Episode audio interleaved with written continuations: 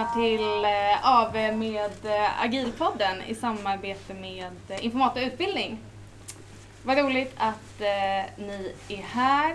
Eh, jag tänkte bara berätta kort om eh, oss. Vi är Sveriges eh, utbildningspartner sedan 30 år tillbaka och eh, vi är sponsor av den här superbra podden, Agilpodden med Erik och Dick.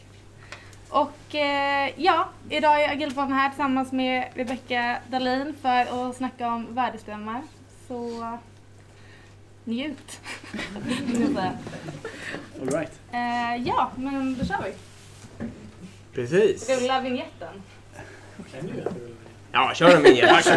Då kan inte höra kommer vi stämning. Ja, exakt. För vår skull om inte annat.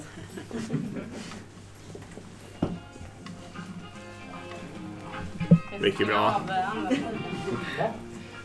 Jag kan nöjt säga att det är jag som har komponerat den här faktiskt. Exakt. Eh, för Dick var orolig typ att han bara, ah, men fan du kan inte ta någonting befintligt för vi kommer bli stämda då liksom. Eller så här.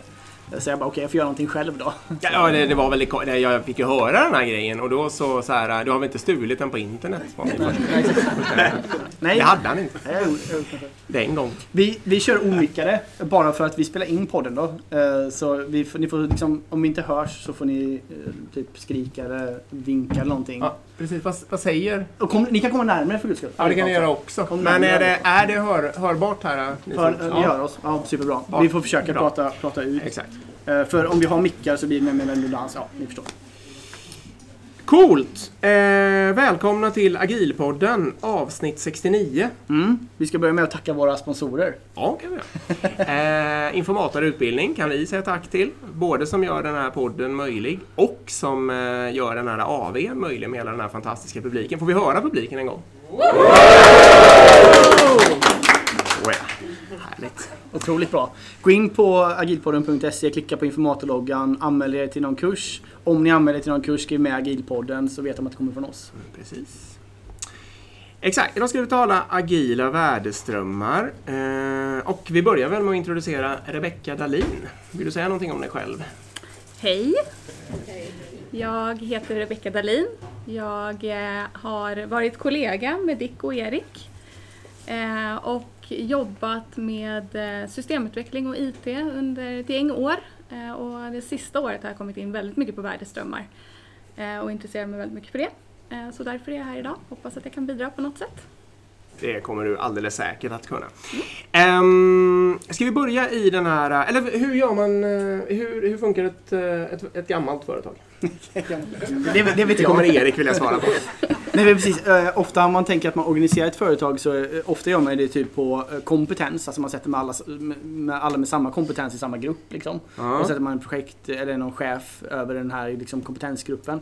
Eller så gör man det typ på teknikområde eller man kan skära på typ applikationsområde och så vidare. Ja. Det är typ det, det klassiska sättet att alla som jobbar med sälj sitter i samma del av organisationen. Liksom, och alla som jobbar med IT kanske Ja, på det någon måste- högre nivå. Det är ju vara smart. Det måste ju vara bra, eller hur? blir man ju bra på sälj. Exakt. Eller i.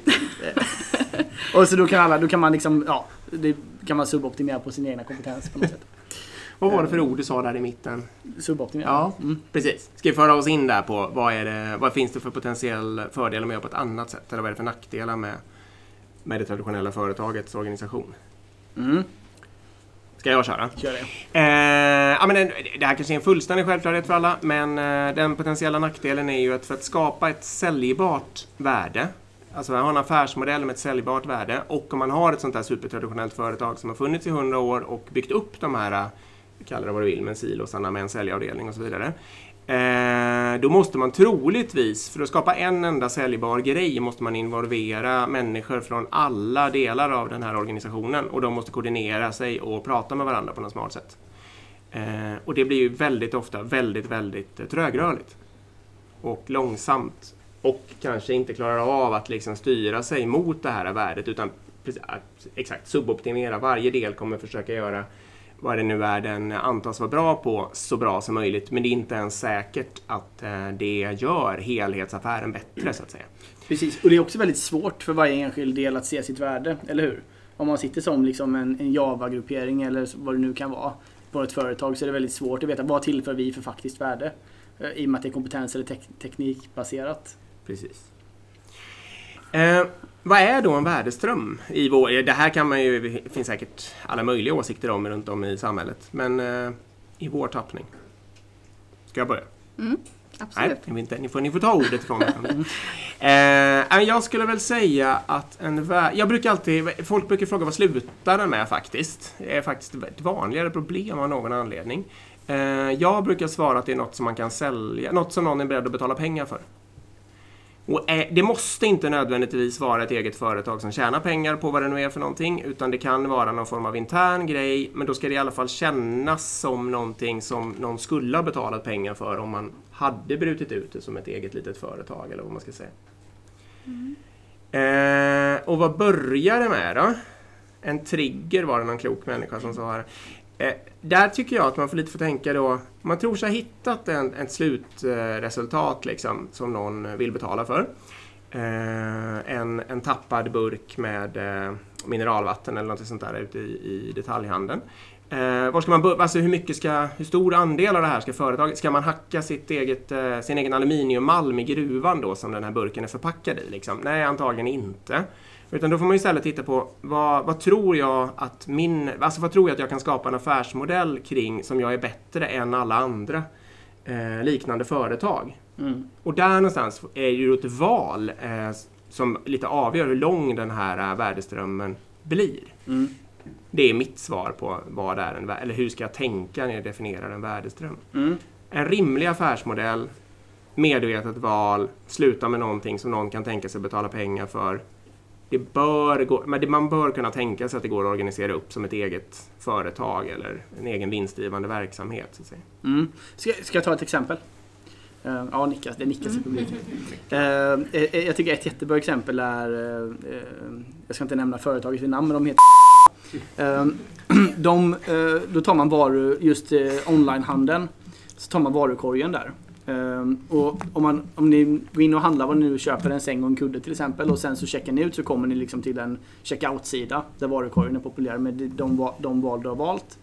Ehm, men då får du också, eh, ett team jag pratade med, de hade- hade funktionen då att lägga på rekommendationer på att de som har köpt de här produkterna köper också mest troligen de här produkterna. Och de var också personaliserade i form av att beroende på vad du bodde i för stad och vilken ålder du har och så vidare så är det stor sannolikhet att du kommer gilla de här produkterna. Eh, och då kunde det här utvecklingsteamet mäta att om vi inte rekommenderar några produkter alls utan vi bara låter varukorgen vara populär med det som man har valt från början. Då, då är average medelvärde av den här varukorgen, säg vadå, 1000 kronor. Eh, och då kunde det här teamet helt enkelt se att om vi, beroende på vilka olika personaliseringsmodeller och modeller man hade för att rekommendera innehåll, hur mycket ökar vi det värdet liksom? Och då kunde vi se att, okej, okej, rekommenderar vi de här grejerna, eh, då köper folk, inte alla, men många köper det. Och medelvärdet på varukorgen ökar till 1500 helt plötsligt. Så då får man liksom med hela värdekedjan i någon form av end-to-end att systemutvecklingsteamet förstår vilket värde de skapar och de själva ansvarar för att driva det. Och då kan de sen också styra hela sin systemutveckling på att okej, vi testar de här funktionerna, gav det ett högre eller ett lägre värde på eh, kundkorgen? Det är ett typiskt bra exempel på en typ av värdeström då. Mm. Så det föder tillbaka till samma team egentligen så de får den informationen och kan därmed förändra sitt sätt att jobba eller basera sina beslut på det. Exakt. Annars hade det gjorts av ett annat team. Exakt. troligtvis. Och då hade man aldrig sett den kopplingen. Och då hade utvecklingsteamet inte vetat om de här funktionerna skapar något mervärde eller inte. Nej. Exakt. Men du har en bra exempel också. Eh, jag har ju jobbat i den senaste eh, på ett sånt ställe som var precis så traditionellt som, ni beskrev, som du beskrev tidigare Erik. Eh, där man var indelad i teknikområden. Eh, man såg egentligen inte syftet med varför man gjorde saker. Vi satt fast i väldigt kniviga beroenden. Många team som behövde vara inblandade för att skapa någon typ av affärsvärde. Eh, och då väcktes tanken kring, kring värdeströmmar och vad det skulle kunna innebära för oss. Eh, och det kom en fråga, jag pratade med någon här innan, då var det frågan så, men hur gör man då? Hur börjar man? Om man inser att man skulle vilja börja laborera med värdeströmmar, var, var startar man? Eh, och det vi gjorde då var att tänka utifrån affären. Eh, kunderna, i vårt fall så jobbade vi med slutanvändartjänster. Vad, vad vill våra användare ha för någonting? Vad är det för typ av värde som vi skapar? Och sen eh, utifrån det då så börjar vi fundera på över okej vad, vad skulle kunna va- vara för värdeströmmar i det här. Mm, kan, vi, egent- eh, kan vi ta exempel på det? För Mm. du jobbar ju som du sa med sl- slutanvändarprodukter. Det är typ datorer, programvara, licenser, accesser. Mm, Även support, mobil- support, Mm. eh, sådana saker. Och då i, i, så som det är traditionellt organiserat då, då är det typ ett team som ansvarar för hur ser det ut ungefär? Ja, men till exempel hårdvara hade vi ett Ja. team eh, som jobbade. Sen hade vi andra som jobbade med applikationer på den hårdvaran och plattformen som de här applikationerna skulle köra på. Då. Mm. Så det var minst tre eh, olika team som var involverade i bara en dator. Så ska man göra en förbättring för slutanvändare där så måste tre team koordinera egentligen för att skapa ett värde. Minst. Ja. Eh, precis. Får skjuta in bara att eh, det är ju ett bra exempel på sådana här eh, produkter eller tjänster som inte är värdeströmsorienterade. är ju typiskt att man vill ju inte betala för en dator utan nätverk eller för liksom, eh, att, att få tillgång till en IT-miljö fast inte ha några rättigheter eller något sånt där. Det blir liksom värdelöst och skulle inte generera, generera inget slutanvändarvärde i det här fallet. Liksom. Så om man, om man fortsätter att bygga på det då, vad, då blir ju frågan så här, okej vad är det som är värdefullt i det här vi gör? Eh, det är ju antagligen inte ens bara en dator med applikationer och en plattform och nätverk och allting sånt utan det är ju snarare när någon människa faktiskt kan logga in i den här datorn och börja producera ett värde för företaget. Eh, så att i vårt fall så handlar det väldigt mycket om att värdeobjektet som strömmar igenom den här värdeströmmen då eh, är ju egentligen i många fall en människa eh, som förädlas längs med processen. Liksom. Mm. Eh, ja, så några exempel på, på teorier vi hade i alla fall kring vad värdeströmmar för oss skulle kunna vara. Eh, onboarding, Det innebär alltså när jag börjar på ett företag så ska jag Exakt. få mobiltelefon, dator och, och accesser och skit ska fungera bara. Ja, Liksom. plus att du ska veta varför du är där, Mm. eh, vad förväntas du göra, Mm. eh, vad, vad finns företaget till för och så vidare. Så det är väldigt mycket mjuka värden i den Mm. strömmen också. Då. Ehm, vilket i sig är väldigt intressant eftersom vi på det här företaget jobbar IT och verksamhet uppdelat. Eh, så här kommer ju IT in på ett verksamhetsområde. Mm. Eh, väldigt mycket HR i det här fallet. Då. Eh, så det är ett exempel på en, en värdeström som vi började jobba med. Ett annat exempel skulle kunna vara onboarding, offboarding. Det finns ju liksom någon typ av uppdatering på en person som jobbar på ett företag också och så småningom slutar. Eh, ett annat exempel som, som eh, jag tyckte var superspännande att jobba med det var eh, effektiva möten.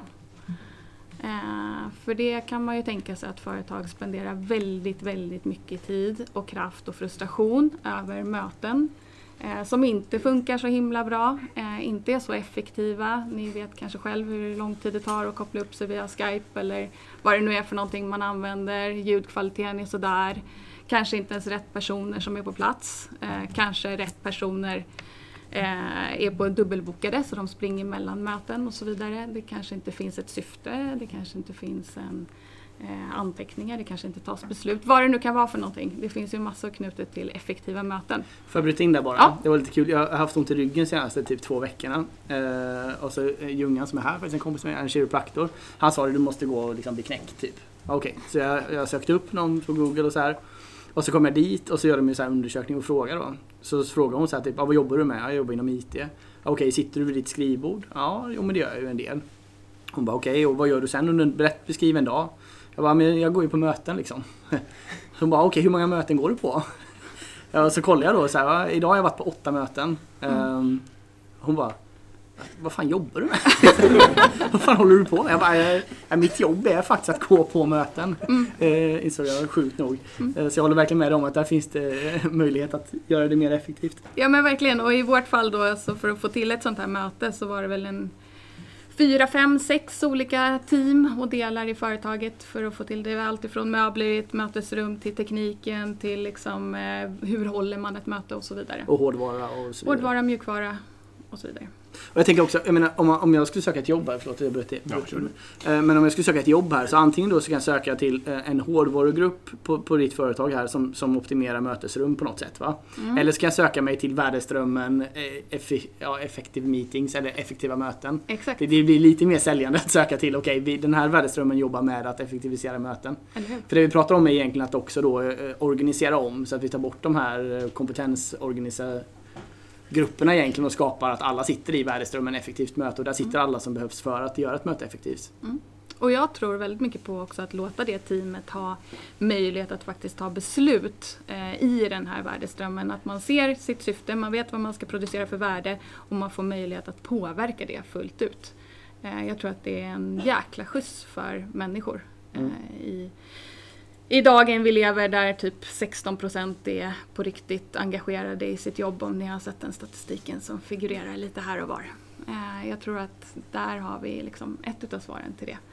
Att eh, man känner att så, men det gör skillnad. Det, Mm. det jag gör gör faktiskt skillnad.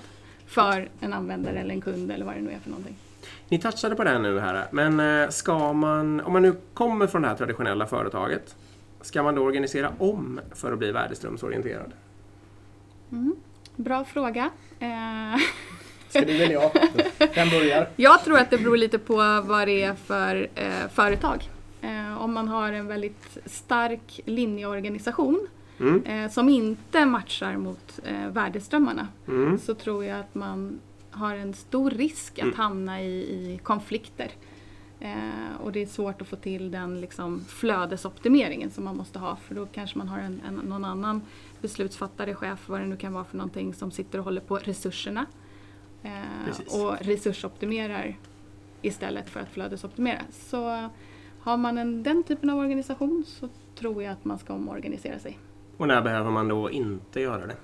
Ja, om man har väldigt ödmjuka, trevliga, härliga människor som gillar att samarbeta och ja, men, ja, men precis. Men, för du säger halva, en halv grej här nu. För att precis, om man har en organisationskultur när lojaliteten ligger i linjen, det vill säga folk kommer göra som chefen säger, eller det är det som avgör vad de gör. Liksom. Eh, Då behöver man organisera om sig. Om man har en, organis- en organisationskultur där lojaliteten ligger till exempel med produkten eller något sånt där, eller med användaren. Ty, är det Exakt. någon här från Avanza? Jag tror att det kanske är, nu, det var därför jag tänkte, men det är ingen här som räcker upp handen så jag vågar chansa. Eh, där tror jag att eh, lojaliteten ligger liksom mera med eh, användaren. Och, då, och de har ju också mycket riktigt en organisation där alla UX-are sitter i samma grupp. Men de jobbar ju väldigt värdeströmsorienterat och de uppfattar ju sig som att de hör till teamet och så vidare. Exakt, tror att det, det blir en virtuell organisation i det fallet, eller hur? Ja, värdeströmmen Vär- värde- är faktiskt en virtuell, precis. Men, och det funkar just för dem. Men det är må- väldigt många företag som det inte skulle fungera. Jag tror att det handlar ganska mycket om hur man jobbar med prioritering också. Om prioriteringen är gemensam för hela företaget Mm, eh, och, och alla ställer upp på den, då har man ju liksom vunnit halva, Sant. kriget. Vi ska inte undersätta budget heller. Jag menar budget ligger ju ofta på grupp då. Mm. Eh, och om budget ligger på grupp och man ska försöka jobba i virtuella värdeströmmar så kommer det ju bli ett helvete att koordinera budgeten för alla team som är beroende av det. Så egentligen så säger, antar jag att vi vill lägga budgeten på värdeströmmen istället också, eller hur? Vi vill lägga liksom, hur mycket pengar har Men den här vill du, vill du ha en budget? Nej, det är klart jag inte vill. Jag skulle bara kolla. Men man vill ju ha pengar. Exakt, men man vill ha pengar. Eh, nej men om man nu, om man, om man, nu går tillbaka till de absoluta majoriteten av företag som jobbar med budget. Så skulle man ändå vilja säga att ja, om, om man ska nu ha en budget så borde den ligga på värdeströmsnivå och inte på Mm. eh, gruppnivå eller kompetensnivå eller på Eh, tekniknivå. Absolut. En relaterad fråga där. Ska den här uh, värdeströmmen ha koll på sin egen lönsamhet? Ja, Du säger om ja. du frågar mig. Erik? Ja, absolut. Ja. Nej, men det är väl, om det finns någon rim och reson och möjlighet till det så är det ju definitivt en fördel att värdeströmmen har någon slags profit loss och kan hålla koll på om den eh, går ihop sig eller inte. Liksom. Mm. Eh, precis. Det Det- kan bero lite på, men oftast vill man ju ha det så. Där kan man ju ta tillbaka det till IKEA-fallet just att eh, man kan tydligt, teamet kan tydligt se vilket värde de adderar. Om de nu skulle jobba typ i ett års tid och märka att våra rekommendationer funkar inte utan varukorgets värde är detsamma som att vi inte ger rekommendationer. Då skulle man ju också kunna frågasätta, okej men varför sitter vi åtta personer och jobbar med det här heltid? Det är ändå en kostnad liksom. Och vi skapar inget värde, borde inte vi göra något annat?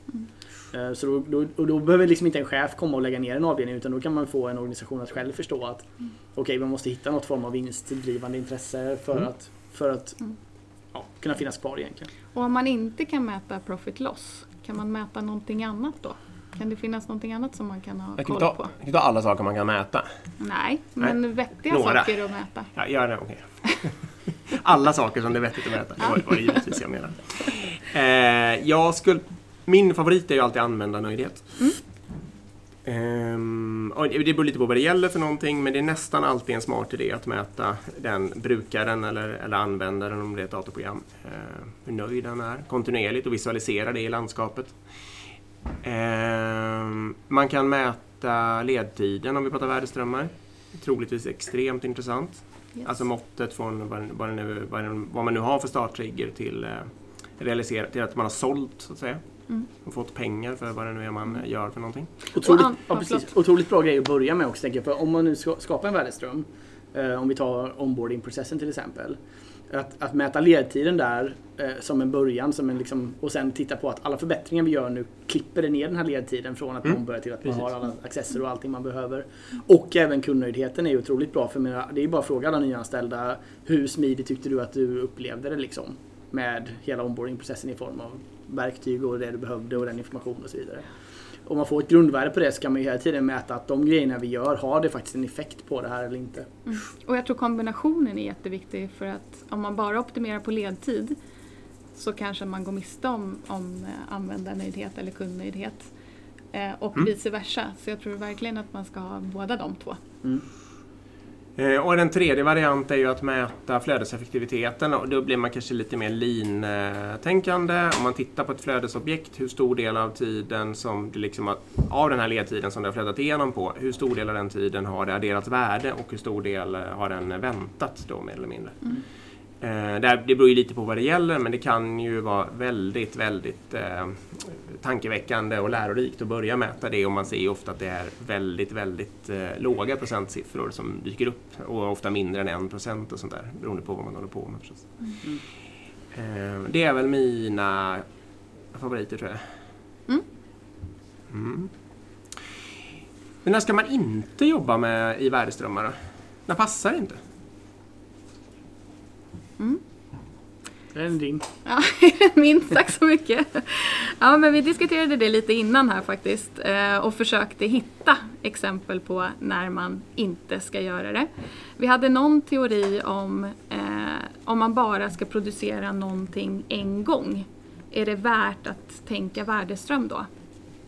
Där hade du någon spaning på det? Dick? Jag vet inte. Ja men den var ju, så här, ju egentligen emot det. Så till att börja med, statementet är ju att det kan vara, om man, bara ska, göra- om man ska göra en enstyckstillverkning av något slag så kanske det kanske är bättre att alla bara eh, gör sitt bästa och att man tar sig igenom så fort som möjligt. Eller vad man ska säga. Det är ju då å andra sidan någon form av eh, värdeströmssätt fast man aldrig riktigt organiserar upp det hela. Nej, min, eh, det jag direkt tänkte på var att ni har organiserat sådana här komplicerade fester av olika slag. Alltså bröllop eller 40-årskalas och sånt där. Ehm, så, så har jag ju, eh, det är ju en enstyckstillverkning. Man gör ju liksom varje sån där grej en eller ett fåtal gånger men just en specifik sån gör man bara en gång. Just du har gjort ett par bröllop dock. Inte Eh, två gånger. Kaching! det, var, det var lite för öppet, jag var tvungen att sparka den bollen. Sparka på mig. Nu ska vi se om, vad, vad var jag sa. Jo, att jag ändå då kanske, det beror lite på vad man kallar det, men ändå har organiserat sådana här komplicerade grejer. Alltså ute på någon ö när man vill eh, få ut massa, det ska lagas massa mat och skötas massa aktiviteter och så vidare. I någon form av autonoma självorganiserande team. Eh, som ändå är väldigt, alltså med tydliga egna missions och visions eh, som de har fått reda på. De har fått reda på vad det finns för andevillkor och grejer men sen har de fått jobba med de här frågorna själva. Då. Eh, och jag vet inte om man ska kalla det värdeström, men det är definitivt en enstyckstillverkning och det är definitivt någon form av eh, lean-tänk i alla fall i, i hur man kan bygga upp en sån där grej, även om man bara gör den en enda gång. Men det är här vi kommer in på skillnaden mellan projekt och värdeström också. För många skulle ju hävda att en värdeström Yes. är ett projekt. Ja. Ehm, för det är så det låter. Vi samlar Ja. de resurserna vi behöver, vi har liksom ett gemensamt mål och så vidare. Men ett projekt har ju i, i sin grund, eh, eh, eh, det ska ju stängas och försvinna. Mm. Och så många gånger så ska det lämnas över till någon form av förvaltning som ska underhålla det som har tagits fram eller sådär. Men, men det är väl just en, en, vid en enstyckstillgång så skulle ett projekt, alltså typ Ja. bröllop, Ja. mer kunna vara ett projekt. Absolut. Medan eh, en värdeström ska ju egentligen både, alltså det ska ju ta hela livscykeln av produkten egentligen från att skapa den till att underhålla den i all evig tid egentligen, eller hur? Men man kan väl kalla, förlåt, Nej, kör. man kan väl kalla många projekt, vad ska man säga, om man tillverkar någon grej som någon sen på riktigt betalar massa pengar för, Mm. eh, då är det ju någon form av värdeström. Ja. Men felet i många klassiska projekt, om du frågar mig, det är ju att man till, alltså res- projektresultatet genererar inget, alltså inget säljbart värde i sig. Utan sen ska det tas vid någon slags eh, säljprocess eller det ska användas till någonting helt annat som antas generera värde eh, bortanför det. Så man, det är en liten, liten, det är en avklippt grej men som är skitstor och svår att få till. Men som i alla fall där man absolut inte har någon profit loss eller liksom har någon aning om det har burit sig eller inte. Liksom. Det är ju det som gör att ett projekt absolut inte, de klassiska projekten absolut inte är värdeströmmar. Nej. Om ni frågar mig. Så är det. Fanns det något annat exempel på när man inte ska eh, jobba med värdeströmmar eller där värdeströmmar inte passar? Vet inte. Ja, om någonting är för stort. Mm. Hur tänker du då? Jag vet inte om jag, det, men det, jag tycker inte det. Eh, Ska jag ta över då? jag, ja, kör. kör. Var någon annan som tyckte det? Ja. Ja, exakt. Det blir ju liksom, för, om man tar typ ehm, på ett företag som är 50 000 eller 100 000 anställda och så tar du en värdeström som är typ att sälja sin produkt. Då kan det ju innefatta teoretiskt 3000 personer. För säljavdelningen är 1500 för det finns över hela världen. Och sen har du massor med mjukvarusystem som, som hjälper dem och det är massor med, ja ni förstår. Då är det helt plötsligt 3000 pers i en värdeström. Eh, Det blir ju en ganska klumpig grej att ha- hantera liksom och ha autonom och få göra bra grejer liksom. Det är ganska säll- sällsynt fall men det finns ändå väldigt, väldigt stora Absolut, organisationer. absolut. Och sen kanske det går, jag menar att sälja produkten kanske går att dela upp i sälja i business to business, business to consumer. Det kanske man kan dela den där. Alltså man kanske kan men ändå kan det bli så att de blir för stora liksom. Olika produktfamiljer och så vidare. Ja precis. Men det kan ändå bli att... Ja, och vad gör man då? Vad är alternativet? Ja, precis. Exakt, vad gör man då? Nej, men då shoppar man ju upp det på något sätt då. Eh, och det här, det, är ju väl, det här rinner ju ganska snabbt ut i en väldigt mycket det beror på-fråga. För det kan man ju då göra antingen vertikalt eller horisontellt så att säga. Eh, om man gör det horisontellt är ju i princip då att skapa olika produktfamiljer eller tjänstefamiljer eller något sånt där. Men behålla Eh, end-to-end. Eh, Men behålla end-to-end exakt. Så att man på riktigt försöker ta någonting från idé eller från någon slags input och hela vägen ut till att sälja det och dra in sina pengar. Och så försöker göra dem smalare helt enkelt så att de bara innehåller några hundra människor eller vad man nu tycker funkar. Då. Mm. Eh, Det andra alternativet är ju att trots allt lägga någon form av eh, lager i mitten då så att säga. Eh, och, och, gå, gå lite på den specialiserade linjen ändå och låta någon del göra liksom halva och någon annan fortsätta med andra halvan. Och då, ja, jag så som, som jag är skulle ju då säga att det alternativet ska man väl oftast undvika. Men om man kan identifiera att, att man hade kunnat stycka upp det i två olika företag på det där viset. Om den där första halvan eh, slutar med någonting som någon ändå just är beredd att betala pengar för. Om, Exakt. alltså om man gör en so den sortens R&D som man skulle kunna sälja liksom färdiga eh, konstruktioner fast utan att producera dem till exempel. Ja, då är det väl okej att göra så. Liksom. Ett bra exempel på det inom IT skulle ju typ kunna vara någon form av drift liksom. Ja. Att, att drifta eh, någon form av infrastruktur i molnet eller vad det skulle kunna vara. Eh, och sätta en företagsstandard, alltså göra det till någon form av plattform som sen team kan iterera och ovanpå liksom. Skulle ju kunna vara en idé istället för att varje team ska ha full eh, Absolut. liksom, ja, uppsättning av sina målmiljöer. Ja, Och hur, hur vet man då när det blir en begränsning, tänker jag? Alltså för jag tänker, om, om det är något bottenlager, någon enablement-tänk, Mm. någonting sånt, då är ju det resursoptimering, Mm. kan jag lite känna då. Det skulle kunna vara en värdeström också i och för sig. Alltså, precis som du säger. Något att- säljbart. Det, det skulle kunna vara att man kan tjänst. sälja den här hostingen av infrastrukturen till ett annat företag också. För att den är jävligt optimerad och bra och anpassad. Och så Typ alla molnleverantörer har ju lite det som affärsmodell. Exakt. Ja. Jag bara ser faran i att man Absolut. hamnar i det läget att, att de värdeströmmarna som ligger ovanpå det här och konsumerar från det här lagret då på något sätt blir lidande Ja, av att nej, det blir är en ju- lång kö in till den här enablement-funktionen. Absolut. Och där någonstans då måste man ju börja bryta ut och stoppa in dem i respektive värdeström. Mm. Och det får man vara Men det, är uppmärksam som på. allt, det borde pendla. Men Ja. sen, sen är det så, jag skulle bara säga det, Kör. eh, att det måste ju också vara för varje team i det här fallet måste det vara helt frivilligt att använda den här infrastrukturen som plattformen erbjuder. Ja. Så om plattformen inte är tillräckligt bra så måste det vara fritt för teamet att använda något annat. Mm. Och så länge man gör det så, så då kommer liksom plattformen dö ut om den inte är bra. Om den inte håller tillräckligt hög kvalitet. Ja. Jag tycker just exakt målleverantörer är ju ett bra exempel på det. För att om man har någon form av hostingtjänst som är intern, eh, me- men det är med massa väntetider och grejer. Och så leker man med tanken att om jag provar att sälja den här på en öppen marknad och så tänker man sig en målleverantör som har tre veckor liksom väntetid på att beställa en miljö eller något sånt där. Då är ju den stendöd, den kommer aldrig ens komma in på marknaden. Så det svarar ju lite på frågan vad är det för, liksom, det behöver ju vara konkurrenskraftigt om man ska kapa på det sättet helt enkelt. Och göra enabling. Då behöver ju enabling-grejerna vara konkurrenskraftiga. Precis, så det ni kan göra nu då, ni kan gå tillbaka till era organisationer imorgon och så kan ni kolla, är den här gruppen säljbar till, till någon annan än internt? Och är det inte det så borde ni göra om den. Det är slutsatsen. Ja. Men, men om värdeströmmar är så himla bra då? Eller det är i alla fall det vi sitter och säger här. Eh, varför, varför finns de inte överallt då? Vad är det som hindrar folk, företag? Finns det något företag som ens har dem? Nej? Vad är det som är så svårt? Ja, det är ju, sitter ju mycket i huvudet på folk förstås. Eh, och så är det ju lite det här med kontroll och alltså vad heter det, fiktionär kontroll, att man tycker sig ha kontroll över vad det nu är för någonting som de här olika avdelningarna eller vad man nu har ska göra. Liksom. Eh, så jag tror att det mest är det. Jag skulle väl också säga att sådana företag som förmår att åtminstone flödesorientera sig eller dra åt ett värdeströms värdeströmstänk blir ju ofta mer framgångsrika. Mm. Mm. Det är väl ändå någon form av trend även om det går fruktansvärt långsamt jämfört med vad i min värld som jag fick bestämma alltid. Ja, exakt. Nej, nej men det, så är det. det. Det är ju svårt också att hitta de här. Det är svårt att identifiera värdeströmmar. Eh, Jag har försökt hur? många gånger och det är ganska svårt att hitta, okej men vad är en bra liksom, vad är ett bra sätt att klippa den här organisationen Mm. på? Mm. Det är ganska svårt. Och- Men, men fördelen är att man behöver inte göra hela, eh, hela organisationen på en gång utan det räcker egentligen att identifiera den en lättaste och börja där och testa. Och se om det ger bättre resultat än övriga delen av organisationen. Om det inte gör det så kan man ju bara lägga ner det. Mm. Och om det är bra så kanske man ska försöka hitta en andra värdeström och sen göra det iterativt fram. Liksom. Ja, eh, nu jag tänker ett steg till. Precis det jag just sa och så lägga till att jag tror att det lite hänger ihop med människosynen. Och om man är en sån här som ser människor som X, Y, alltså behöver människor eh, kontrolleras och eh, liksom lite lätt piskas eller i alla fall så här följas upp för att göra det de ska. Eller kan de bidra till ett högre syfte bara man har förklarat vad det är man är ute efter.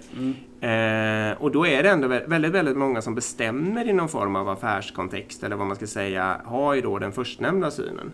Och det tror jag är det som gör att övergången går så fruktansvärt sakta. Får jag ranta lite här? Ja, kör. Härligt. får man alltid göra i den här podden. Jag vet, det är det bästa med den här podden. Um, jo men det är så intressant just det där. Jag håller på att läsa en bok som heter Funktionell dumhet. Mm. Som Mats Alvén har skrivit som är helt fantastisk. Ehm, och det, det, han, han pratar också om det och jag har tänkt på det in också att jag menar ofta så kräver vi liksom att om du ska vara civilingenjör, du ska vara civilekonom, du ska ha liksom bra universitetsutbildning för att få jobba här. Men samtidigt så när man går och, och när jag går och då kissar på ett företag så står det så här glöm inte spola. Liksom. Och det står jävla, är inte det otroligt jävla märkligt så här? Jag anställer bara civilingenjörer men vi måste se till dem att de jävlarna måste spola när vi kissar. Man, så man, och det är bara, det kanske det är lite dumt och roligt men samtidigt så säger det fan någonting alltså. Ja. Jag kommer ihåg på mitt förra jobb så gick jag eh, medvetet och rev ner alla de här fördummade lapparna som att töm diskmaskinen efter dig eller ja, vad Ja. det nu kan vara. För det, det, det är ju det är något så jävla dumt liksom. Jo, men jo, men, jo. men det är så vanligt ändå att liksom, vi, vi, vi fördummar människor och vi använder inte kompetensen. Och det är samma sak det här med med traditionell, liksom, vi, vi vågar inte lita på att personal gör ett bra jobb. Liksom. Nej, vi vågar det är ju inte, det jag säger. Nej, precis. Man vågar inte komma till det här att vi, vi kan släppa autonomi. Vi, det här teamet kan iterera och de kan göra sina egna grejer. De, låt dem vara bara så kommer de göra skitbra grejer. Man vågar inte göra det utan för man är kvar i det här lite, glöm inte spola efter dig. Liksom. Ja. Och då är ditt tips jättebra att börja med någonting, något litet och visa ett exempel. Alltså Mm. om man inte kan få förmå sitt företag att kasta upp alla bollar i luften och starta med värdeströmmar överallt liksom, så försök få till att man testar någonstans och kunna visa på att det här funkar faktiskt. Mm. Eh, kan vara mindre skrämmande. Sen finns ju också det här, äh, nu sitter jag och tänker, men det här äh, lite, jag tror jag ska kalla det lutheranska arbetsmoralen eller vad man ska säga.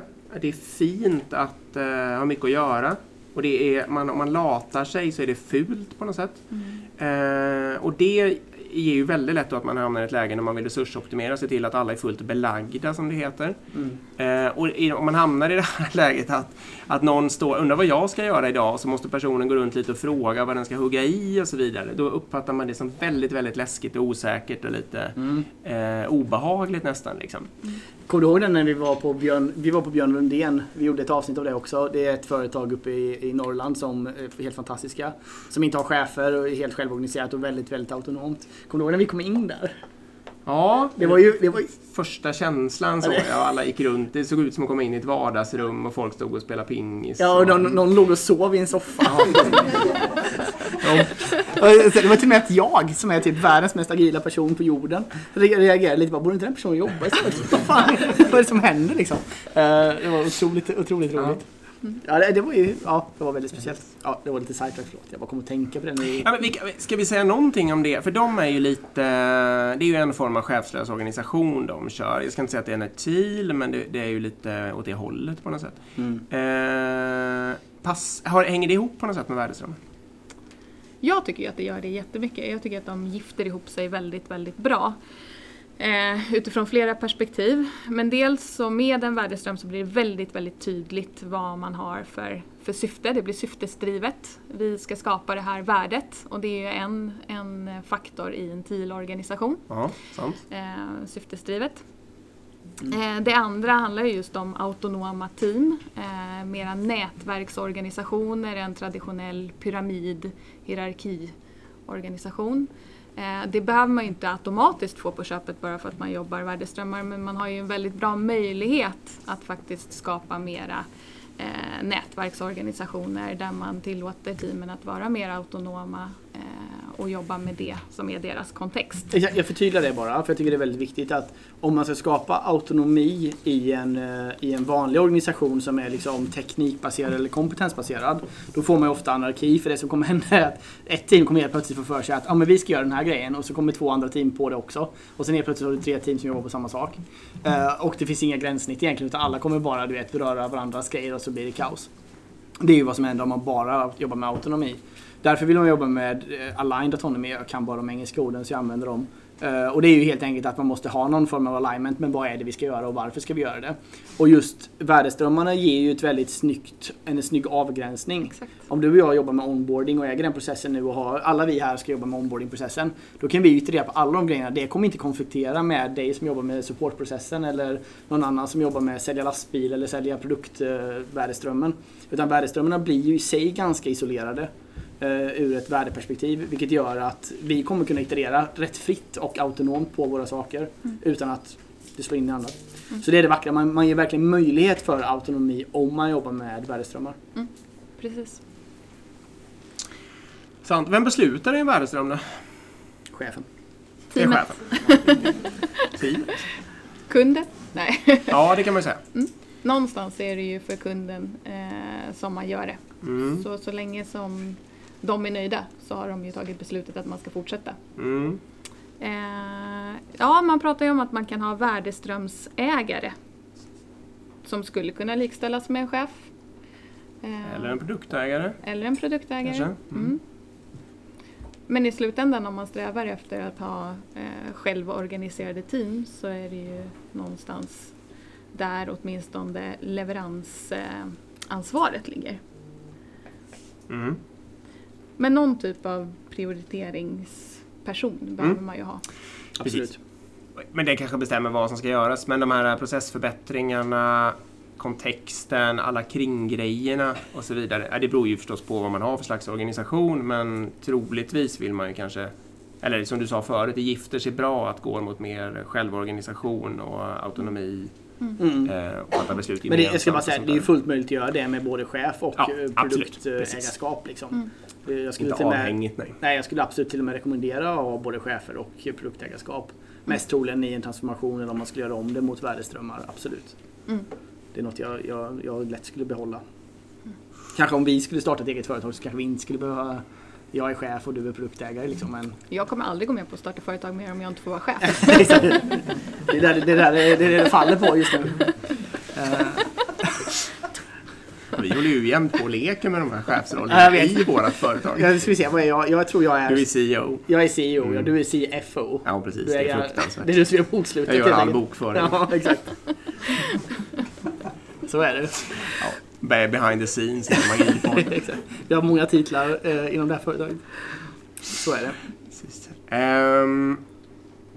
Ja, ska vi... Absolut, vill ni får lägga till saker? Jag tänkte Ja, ska vi släppa in- frågor ska vi sen. släppa in publiken, känner exakt. er- Det tycker jag. ni- Ja, nej, Ja, inte- precis. Har vi... eh, Jag har touchat på det mesta. Ja, coolt. Ehm, ett konstaterande som vi var inne på förut också är att det i likhet med sån här agil transformation och liknande så startar faktiskt ofta ett värdeströmstänk på IT. Eh, Jag vet inte vad det beror på. Alla vad smarta människor jobbar mest. Ja, det kanske är där. Men det, är lite, det gör det lite mer eh, komplext någonstans för man sitter ju ändå oftast på IT lite längre bort ifrån eh, den riktiga affären, den, den liksom vinstgenererande affären och i viss, viss mån också kanske kunderna. Eh, så att kan man snabbt få med sig en verksamhet i det, eh, testa sina idéer på en verksamhet, förutsatt nu att man är uppdelad i IT-verksamhet, inte alla företag som är det, men många, eh, så tror jag att man har vunnit väldigt, väldigt mycket. För man kan lätt kanske gå bort sig annars om man bara sitter i sin IT-organisation och svävar ut. Eh, Så, så snabbt som möjligt knyta, knyta ihop det med sin business, liksom. Mm. businesspersoner. Mm. Mycket bra poäng. Ja men precis. Har vi några Vi roliga frågor? Vi släpper in för frågor. Bra. Vi ska bara säga så här då att för att det ska höras så har man två alternativ. Antingen så säger du frågan och vi återupprepar frågan eller så kommer du närmre och ställer frågan. Det är, bara, det är valfritt. Ja, det ju varit med i podden till och med. Ja, ja, ja. Ja. Ja, men det här är en fråga som jag ofta får, så jag tänker jag är jätteintresserad av att höra eh, eh, svaret. Ja. Eh, och det är det här, hur förhåller sig en värdeström till en process? Du nämnde ju onboarding-värdeströmmen och så, så när du, eh, rätt- medvetet eller omedvetet, så pratade du om onboarding-processen. Ja. Så att eh, jag skulle vara intresserad av att bara höra Mm. hur de förhåller sig till varandra. Mm. Eh, bra fråga. Vi har faktiskt haft den uppe på diskussion också på min förra arbetsplats. Eh, det är jättevanligt att folk tänker sig att ja, men en värdeström är väl en verksamhetsprocess. Eh, jag tror att eh, det viktigaste, den viktigaste skillnaden är att det är ingenting som säger att en process ska sluta i ett säljbart värde. Eh, Men, men det finns ju likheter så tillvida att en värdeström innehåller ett visst antal steg. Precis på samma sätt som en process eller en verksamhetsprocess. Men, men värdeströmmen går ett steg längre. Tänker hela vägen ut, end-to-end till kund eller värde, genererat värde. Är mitt svar. Jag vet inte Nej, jag håller fullständigt med. Självklart går det ju att definiera en värdeström som en process, så att säga. Eller den blir som ett, ett smart specialfall av en process. Mm. Men det finns ju jättemycket dumma processer som absolut inte är värdeströmmar. Mm. Men onboarding skulle jag säga, där är det ganska likt. Just i det här fallet. Jag skulle säga att onboardingprocessen är ganska lik onboarding-värdeströmmen. Ja. Ja, fast jag tror att många företag som har en onboardingprocess eh, tror jag kanske slutar med någonting som en nyanställd absolut inte uppfattar som att det var värt. säga. Det var kanske det som är skillnaden. Då. Den Men typen visst, av om man, erfarenhet om man gör det. Ja, rätt man. så, så visst. Vad dumt det är med onboardingprocesser för övrigt. Ja, borde man sluta med. fler frågor? Ja, fler frågor. Eller? Ni må, Ja, kan, kan. ge dem lite tid. Ja, precis. Ni måste inte komma fram eller om det var det som var läskigt. Mm. Vi kan återupprepa det. Ja, kör. Jag ställa en till. Ja. Eh, nej, men jag tänker utifrån jag menar det här med hur man ordnar organisationen och hur man formerar sig ut efter värdeströmmarna. Det är en aspekt.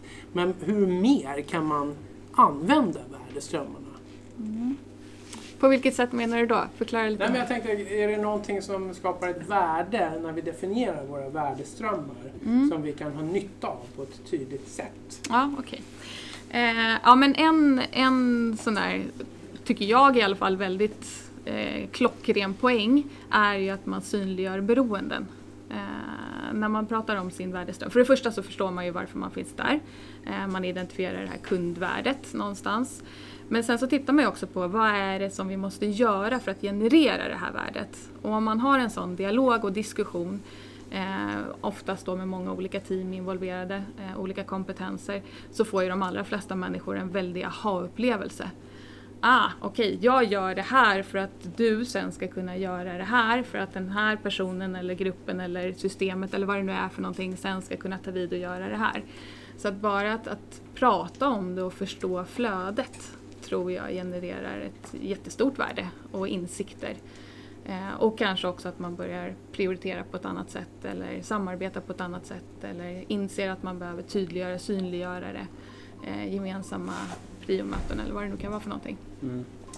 Eh, så att jag tror man har mycket att vinna där redan. Absolut, och sen är det det här, vi ska inte, absolut inte underskatta att man kan se sitt egna värde i form av något mätbart också. För jag menar, om, om, om jag går till ett random team på ett random företag idag och frågar hur kan ni visa vad ni har skapat för värde? Så det är nästan ingen som kan, 99% kan inte det. För man tror, ja men vi har skapat massor med nya features, jo men behövdes de featuresen då? Det, det är liksom, man bara antar att jo men eh, features behöver vi liksom. Det är som vi brukar skämta med produktägarna på mitt företag, brukar skämta om att man vill jobba på Gira för där släpper man igenom allt bara. Alla features är jag där för Gira är bara ett stort helvete och massor features. Eh, faktiskt sant. Ja, lite sånt. Eh, eh, det var kul också för Gira köpte upp Trello som är mycket slimmat verktyg. Ja. Så nu blir jag hela Trello-communityt livrädda att de ska få massor med features. Men det som är ännu roligare i den här storyn det är att nya Gira har Trello-teamet utvecklat. ja, Okej, nu ska vi släppa det. Vad, vad var jag? Jag minns inte. Nej, jag släpper det där. Man vet inte om man genererar värde i ett, Nej, ett traditionellt företag. Exakt. Ett, ett, ett, ett litet team som sitter mitt i ser inte vad det är att någon betalar eller inte betalar för Exakt. det de gör utan det är lite på chansning. Exakt, och jag menar tänk vad det gör för motivation och så vidare. Och jag menar om ett team kan visa sina success metrics, alltså vad flyttar vi för metrics i den här produkten? Eller vad skapar vi för värde? Mm. Eh, Jag menar, då ska man inte finnas som team. Kan jag tycka om man ska vara stenhård liksom. Nej, men, Och då borde man, det är väldigt många team man måste stänga ner om man ska ha den filosofin. Men jag kom på en, en annan sak också som igen om man har uppdelat IT och verksamhet eller IT och business på något sätt så blir det ju som att man pratar samma språk helt plötsligt. Eh, Det här är ju ett sätt att på något sätt för IT att visa att vi finns till för att vi skapar någonting, vi gör någonting vettigt liksom. Det är inte alltid så himla lätt att komma från IT och knacka på dörren till verksamheten och säga så här kan inte vi samarbeta? Eh, Men här har man ett, ett annat vokabulär och kanske att man kan närma sig varandra på ett mera, ja, Mm. ett bättre sätt helt enkelt. Så det tror jag också är ytterligare en, en effekt av värdeströmmar. Mm. Har du några fler frågor? Ja, ja, kör! Kom, kom. Jo, nej men eh, ni pratar ju om eh, liksom kundvärde och de delarna. Ni pratar om molntjänster som ett baslager. Men om man tänker regulatoriska, compliance och de aspekterna. Ser ni det som en del i värdeströmmen eller ser ni det som en likt molntjänsten, en Ja. grundbult i det hela? Det är en bra fråga. GDPR är ett superbra exempel på det. Eh, och det blir en sån här tråkig måste göra grej för alla värdeströmmar. Eh, så jag ser det snarare som eh, jag, jag ser det mer som en infragrej. Liksom det kommer vissa lagkrav som vi måste uppfölja bara. Och då blir det någon form, en, en automatisk commit från alla team att det här måste vi bara leverera mot. Mm. Liksom Och då tror jag att den kompetensen, lite beroende på vad det är för verksamhet, vad man jobbar med såklart, men jag kan lätt se att den kompetensen behöver sitta i alla värdeströmmar. Eh, att man behöver ta det ansvaret själv i sin ström. Mm. Liksom. Eh, ja, ja, det skulle nog jag tro är svaret i de flesta fall.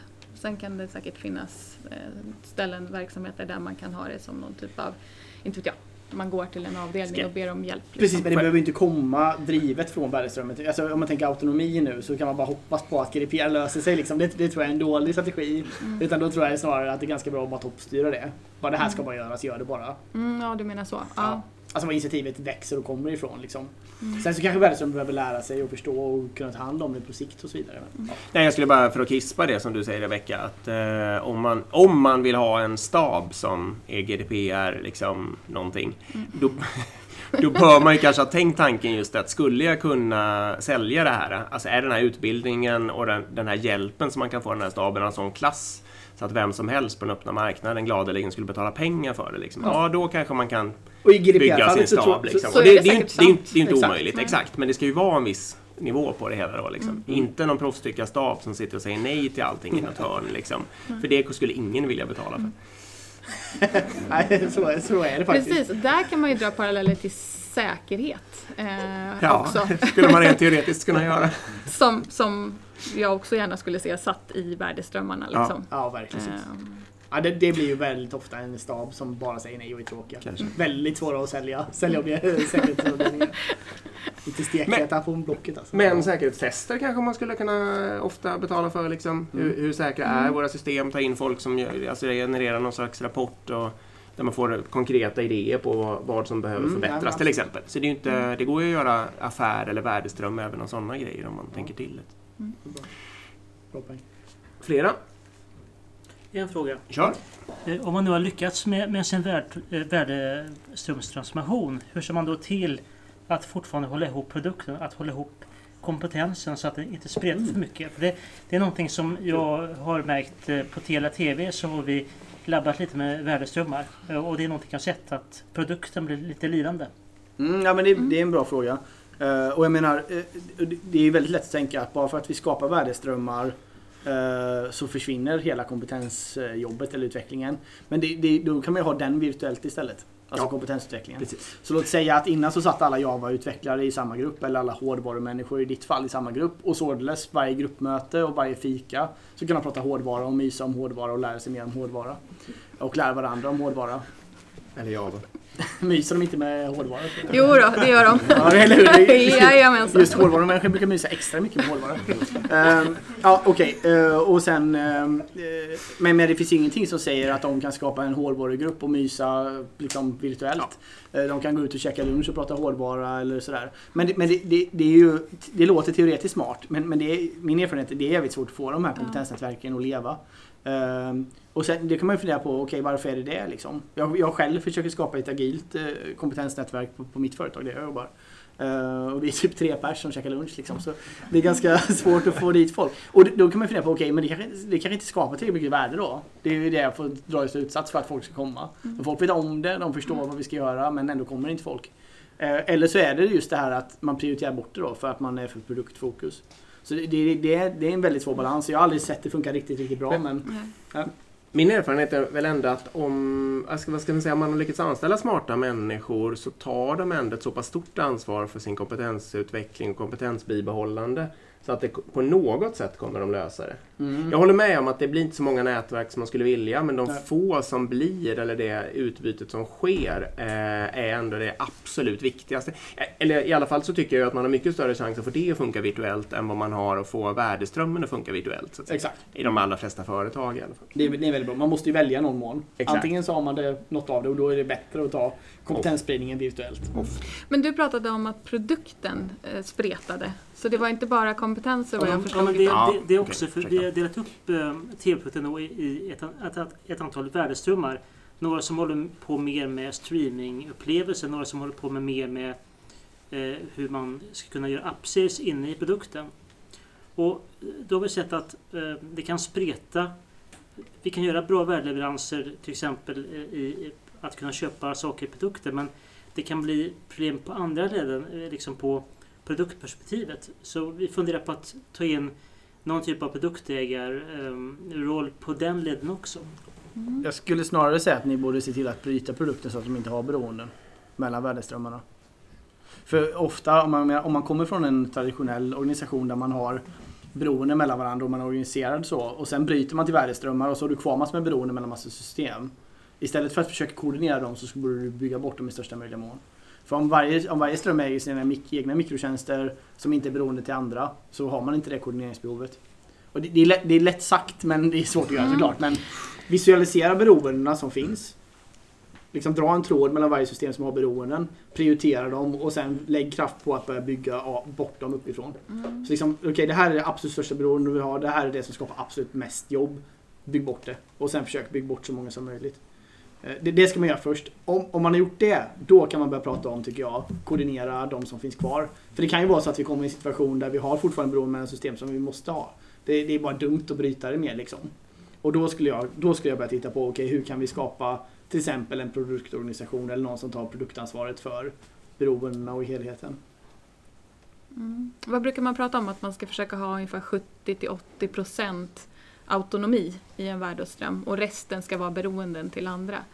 Så då har du 20-30% beroenden. Eh, och ligger ni där, har ni kommit så pass långt, ja då behöver ni antagligen få in någonting annat. Sen kan man fundera över vad ni har för, för vision övergripande, om den är gemensam. Eh, om alla värdeströmmar vet vad de ytterst jobbar för att åstadkomma. Det kan också vara en, en bra dialog att ha kanske.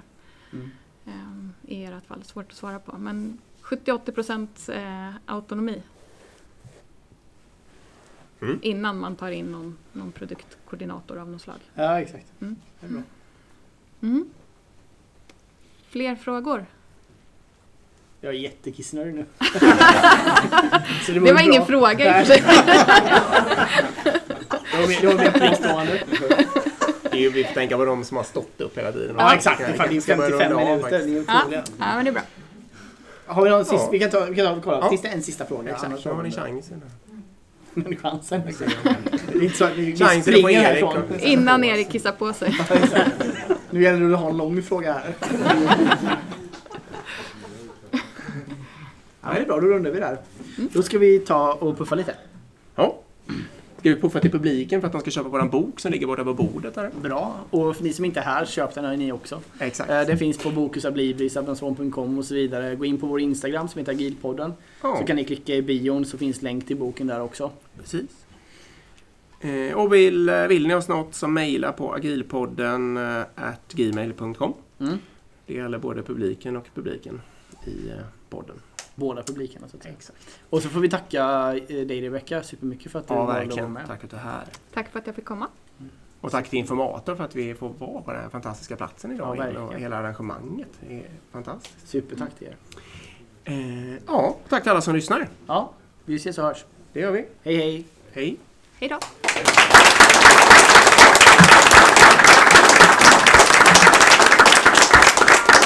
Nu kan du springa och kissa. Jag ska.